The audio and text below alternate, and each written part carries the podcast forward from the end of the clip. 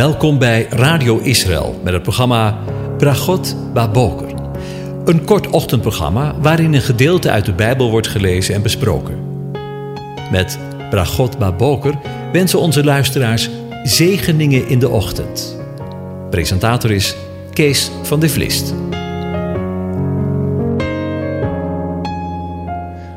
Goedemorgen, Bokatov, beste luisteraars. Vanmorgen denken we opnieuw, en dat is voor de zesde keer na, over Psalm 128. En ik lees de psalm aan je voor. Een pelgrimslied. Welzalig is een ieder die de Heere, de aanwezige, vreest. Die in zijn wegen gaat. Want u zult eten van de inspanning van uw handen. Wel gelukzalig zult u zijn en het zal u goed gaan. Uw vrouw zal zijn als een vruchtbare wijnstok binnen in uw huis. Uw kinderen zullen zijn als jonge olijfbomen rondom uw tafel. Zie, zo zal zeker de man gezegend worden die de Heere, die de aanwezige vreest. De aanwezige zal u zegenen vanuit Sion. U zult het goede van Jeruzalem zien, al de dagen van uw leven. U zult de kinderen van uw kinderen zien. Vrede, shalom over Israël. Tot zover. Over de wijnstok gesproken. In de voorgaande aflevering waren we gebleven bij vers 3 van de psalm, waarin we lazen: Uw vrouw zal zijn als een vruchtbare wijnstok binnen in uw huis. En we maakten vervolgens een uitstapje naar het Hebreeuwse taal als beeldende taal. Telkens komt in de pelgrimsliederen naar voren dat God het leven van de Godvrezende juist in de sfeer van zijn gezin zegent, zoals we nu ook lezen in vers 3. Dit is de vervulling van de zegen die God bij de schepping van Adam en Eva heeft toegezegd. We lezen daarvan in Genesis 1, vers 27 en 28. En God schiep de mens naar zijn beeld. Naar het beeld van God schiep hij hem, mannelijk en vrouwelijk schiep hij hen. En God zegende hen en zei tegen hen: Wees vruchtbaar, word talrijk, vervul de aarde en onderwerp haar. En heers over de vissen van de zee, over de vogels in de lucht en over al de dieren die op de aarde kruipen.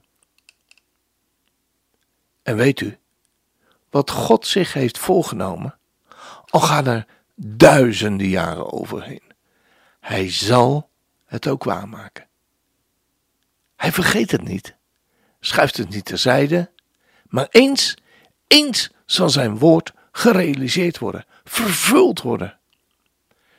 De grote zegening van het gezin komt tot uitdrukking in de wijnstok en de olijfboom. Het tijdperk van Salomo en het vrederijk worden door deze twee bomen gekenmerkt. In 1 Koningen 4 lezen we over de welvaart tijdens de regering van koning Salomo. En we lezen daar in vers 20: Juda en Israël waren met velen zo talrijk als het zand dat aan de zee is. Ze aten en dronken en waren blij. En Salomo heerste over alle koninkrijken van de rivier, de Eufraat, tot het land van de Filistijnen en tot aan de grens van Egypte.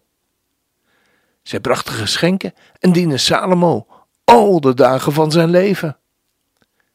Het voedsel van Salomo voor één dag was 30 kor. En een kor is vermoedelijk tussen de 200 en 450 liter meelbloem en 60 kor meel. 10 vetgemeste runderen, 20 weiderunderen en 100 schapen, naast de herten, gazellen, reebokken en gemeste vogels. Want hij heerste over al het land aan deze zijde van de rivier, vanaf Tifsa tot aan Gaza, over alle koningen aan deze zijde van de rivier. En hij had vrede aan al zijn zijden van rondom. En dan, en Juda en Israël woonden onbezorgd, ieder onder zijn, inderdaad, wijnstok en inderdaad onder zijn vijgenboom. Van Dan tot Beersheba, al de dagen van Salomo. Tot zover. En weet u, ook hierin vinden we weer een patroon. Want dat stopt echt niet bij de aardse Salomo hoor. Want binnenkort zal er meerdere Salomo.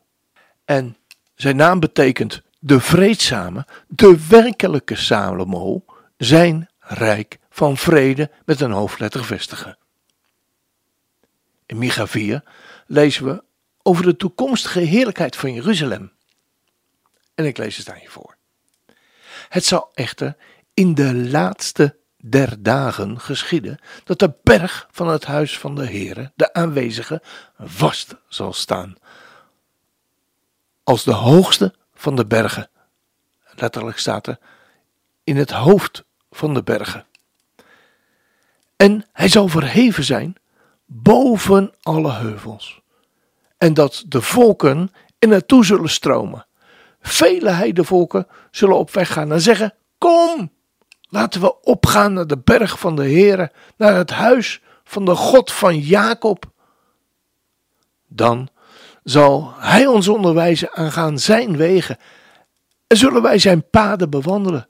Want uit Sion, heb je het weer, zal het woord van de Heere, de aanwezige, uitgaan uit Jeruzalem. En hij zal oordelen tussen vele volken en machtige heidevolken vonnissen tot ver weg.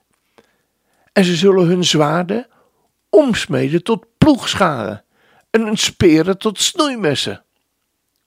Geen volk zal tegen een ander volk het zwaard opheffen. Oorlog voeren, dat zullen ze niet meer leren. Maar ze zullen zitten. Komt het, ieder onder zijn wijnstok, ieder onder zijn vijgenboom. Niemand zal ze schrik aanjagen, want, weer zo'n woordje, want de mond van de Heere van de legermachten heeft het gesproken. Tot zover. De wijnstok en de olijf zijn in de Hebreeuwse taal veel voorkomende beelden van vruchtbaarheid en van een gelukkige, bloeiende staat.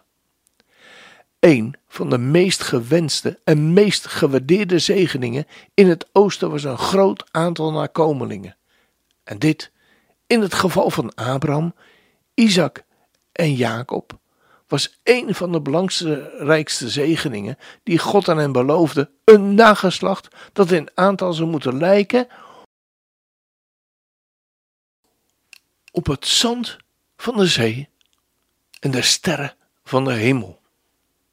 De wijnstok is een zwakke en tere boom die gestut en ondersteund moet worden en is ook vaak bevestigd aan de zijkanten van een huis, waarop hier wordt gezinspeeld, waaraan het zich hecht en waarop het oploopt en veel vrucht draagt. Het wordt op deze manier gebruikt om de afhankelijkheid van het vrouwelijke geslacht uit te drukken. Misschien passen deze woorden niet meer helemaal in onze tijd van emancipatie, maar Petrus is heel duidelijk in 1 Petrus 3, vers 7. Mannen, leef verstandig met je vrouw, als met broos vaatwerk. Bewijs haar eer, omdat zij een mede-erfgenaam is van de genade. Als dat geen zegen is. Ja, en dan uh, moest ik denken aan het volgende lied. En dat is een bewerking van Psalm 128 op zijn Hebreeuws.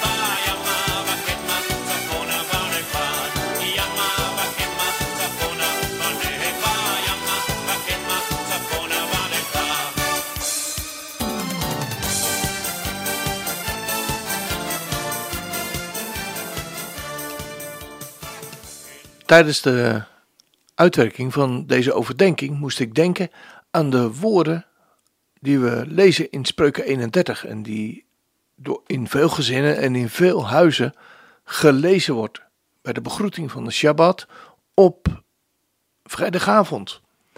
En we lezen daar: Wie zal een deugdelijke huisvrouw vinden? Haar waarde gaat die boven Robijnen ver te boven. Op haar vertrouwt het hart van haar echtgenoot, en bezit zal hem niet ontbreken. Ze doet hem goed en geen kwaad, al de dagen van haar leven. Zij zoekt wol en vlas en werkt volgens de wens van haar handen. Zij is als schepen van een koopman. Zij laat haar voedsel van ver komen. Ze staat op als het nog nacht is en geeft haar huisgezin voedsel. Haar dienstmeisjes het hun toegewezen deel. Ze zet haar zinnen op een akker en verwerft die. Van de vrucht van haar handen plant zij een wijngaard. Zij omgort haar heupen met kracht. Ze maakt haar armen sterk. Ze merkt dat het haar zaken goed gaat. Haar lamp dooft zachts niet. Ze steekt haar handen uit naar het spinnenwiel. En haar handen houden het weefsel vast. Zij opent haar hand voor de ellendige en spreidt haar handen uit naar de armen. Ze is niet bevreesd voor haar huisgezin vanwege de sneeuw, want heel haar huisgezin is in scharlaken gekleed. Ze maakt voor zichzelf dekens. Van fijn linnen en rood purper is haar kleding. Haar echtgenoot is bekend in de poorten, als hij daar zit om de oudsten van het land. Zij maakt onderkleding en verkoopt die. Ze levert de kooplieden gordels. Kracht en glorie zijn haar kleding. Zij lacht de komende dag toe. Zij doet haar mond open met wijsheid. Onderricht uit genegenheid ligt er op haar tong. Ze houdt de gangen van haar huisgezin in het oog. En brood van de luiheid eet zij niet. Haar kinderen staan op en prijzen haar gelukkig. Ook haar echtgenoot roemt haar. Veel dochters hebben krachtige daden verricht, maar jij overtreft ze allemaal. Bevalligheid is bedrieglijk en schoonheid vergankelijk. Een vrouw die de Heere vreest, die zal geprezen worden. Geef haar van de vrucht van haar handen en laat haar werken, haar prijzen in de poorten. En dat wens ik een ieder toe. Ook vandaag. Want als dat geen zegen is.